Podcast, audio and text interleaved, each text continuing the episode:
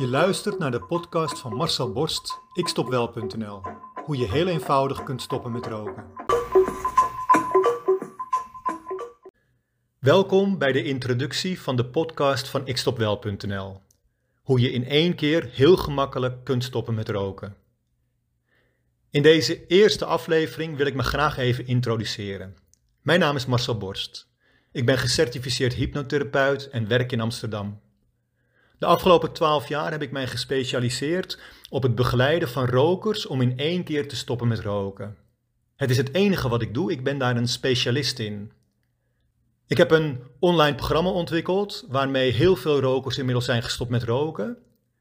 Mijn slagingspercentage ligt rond de 86%. De aanleiding van mijn werk is eigenlijk een verhaal wat ik regelmatig vertel, ook tijdens de gratis webinars die ik geef. Uh, het verhaal van mijn vader. Ik ben nu 57 jaar en mijn vader die was 50 jaar. En ik was toen een jongetje van 7. Ik kwam uit een gezin met vijf kinderen. Ik was de na jongste. Ik had nog één jonger zusje van vijf. En mijn vader die werkte in de bouw. Die had een aannemersbedrijf samen met twee broers. Mijn vader zat in de grondwerkzaamheden. Eén broer deed bouwwerkzaamheden en één broer deed administratie, organisatie en kantoorwerk. En uh, dan hadden ze nog, weet ik veel, 70, 80 man personeel. Het was gewoon een leuk klein bedrijf in Castricum. Mijn vader werkte destijds, ik heb het nu over 50 jaar geleden, werkte destijds zeven dagen in de week. Het was zijn eigen bedrijf, dus ja, dat is logisch. Op zondag dan gingen wij met z'n allen achter de pompen aan, zo noemden we dat. Dan gingen we in de auto, mijn moeder ging mee, wij gingen mee, gingen we naar het werk van mijn vader. Hij ging pompen controleren, olie verversen, qua jongenswerk herstellen.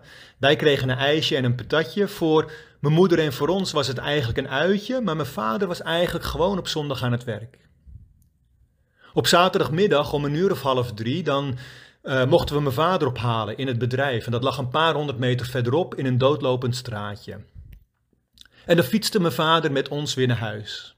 Ik zat dan achter op de bagagedrager en mijn zusje, die zat voor op een zitje op de stang van de fiets van mijn vader. Deze herinnering heb ik nog in mijn hoofd zitten. Ik denk dat mijn zusje een jaar of drie is en ik denk dat ik een jaar of vijf ben. En dan was voor ons het weekend begonnen, zaterdagmiddag om half drie als mijn vader thuis kwam. En dan gingen we douchen.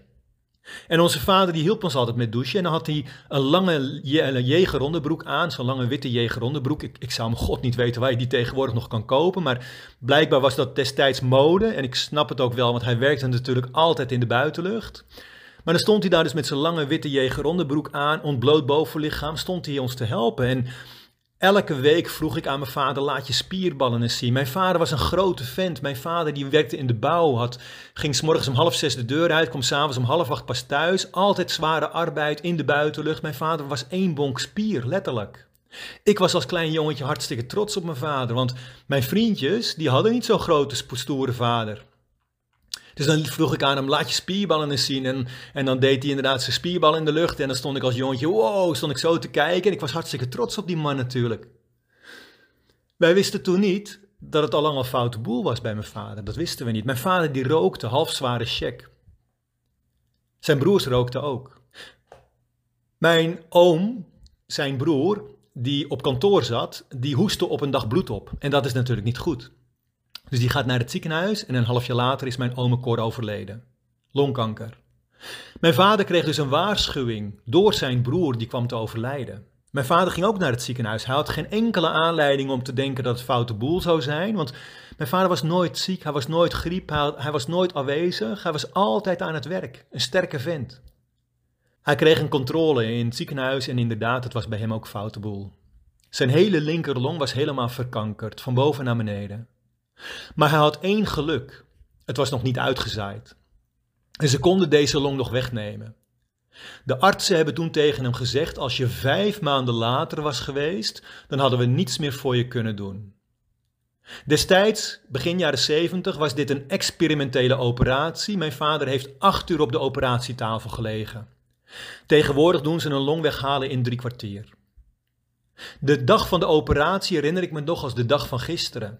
Ik zit samen met mijn zusje een tekening te maken voor mijn vader die op dat moment in het ziekenhuis ligt. Mijn moeder is thuis, mijn moeder die rookte niet.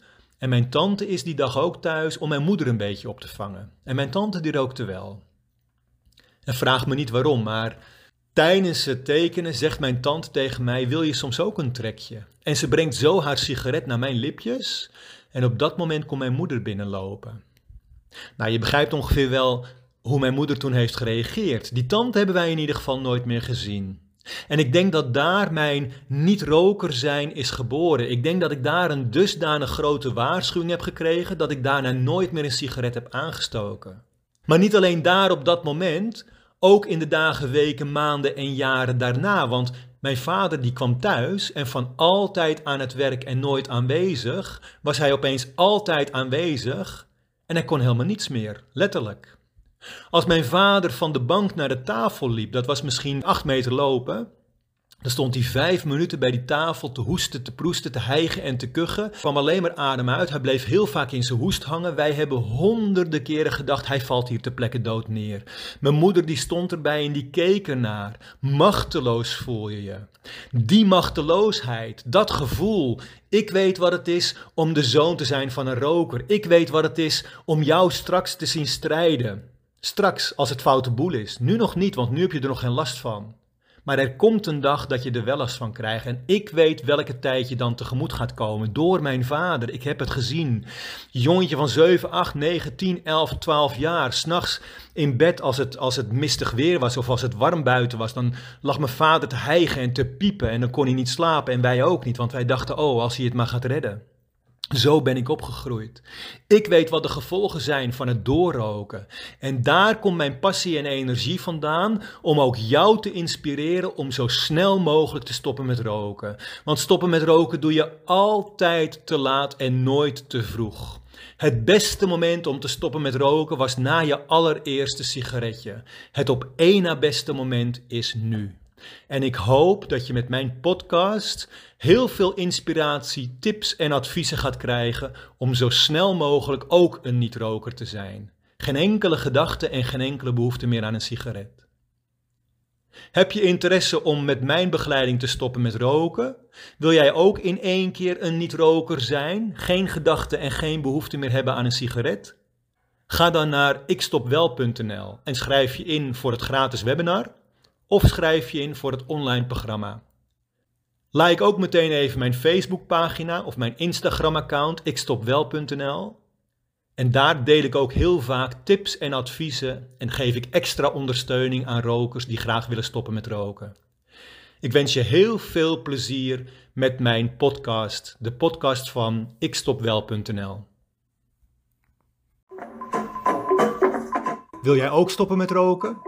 Wil jij jouw rokende collega's van het roken afhelpen? Kijk dan op mijn website ikstopwel.nl en neem contact met mij op.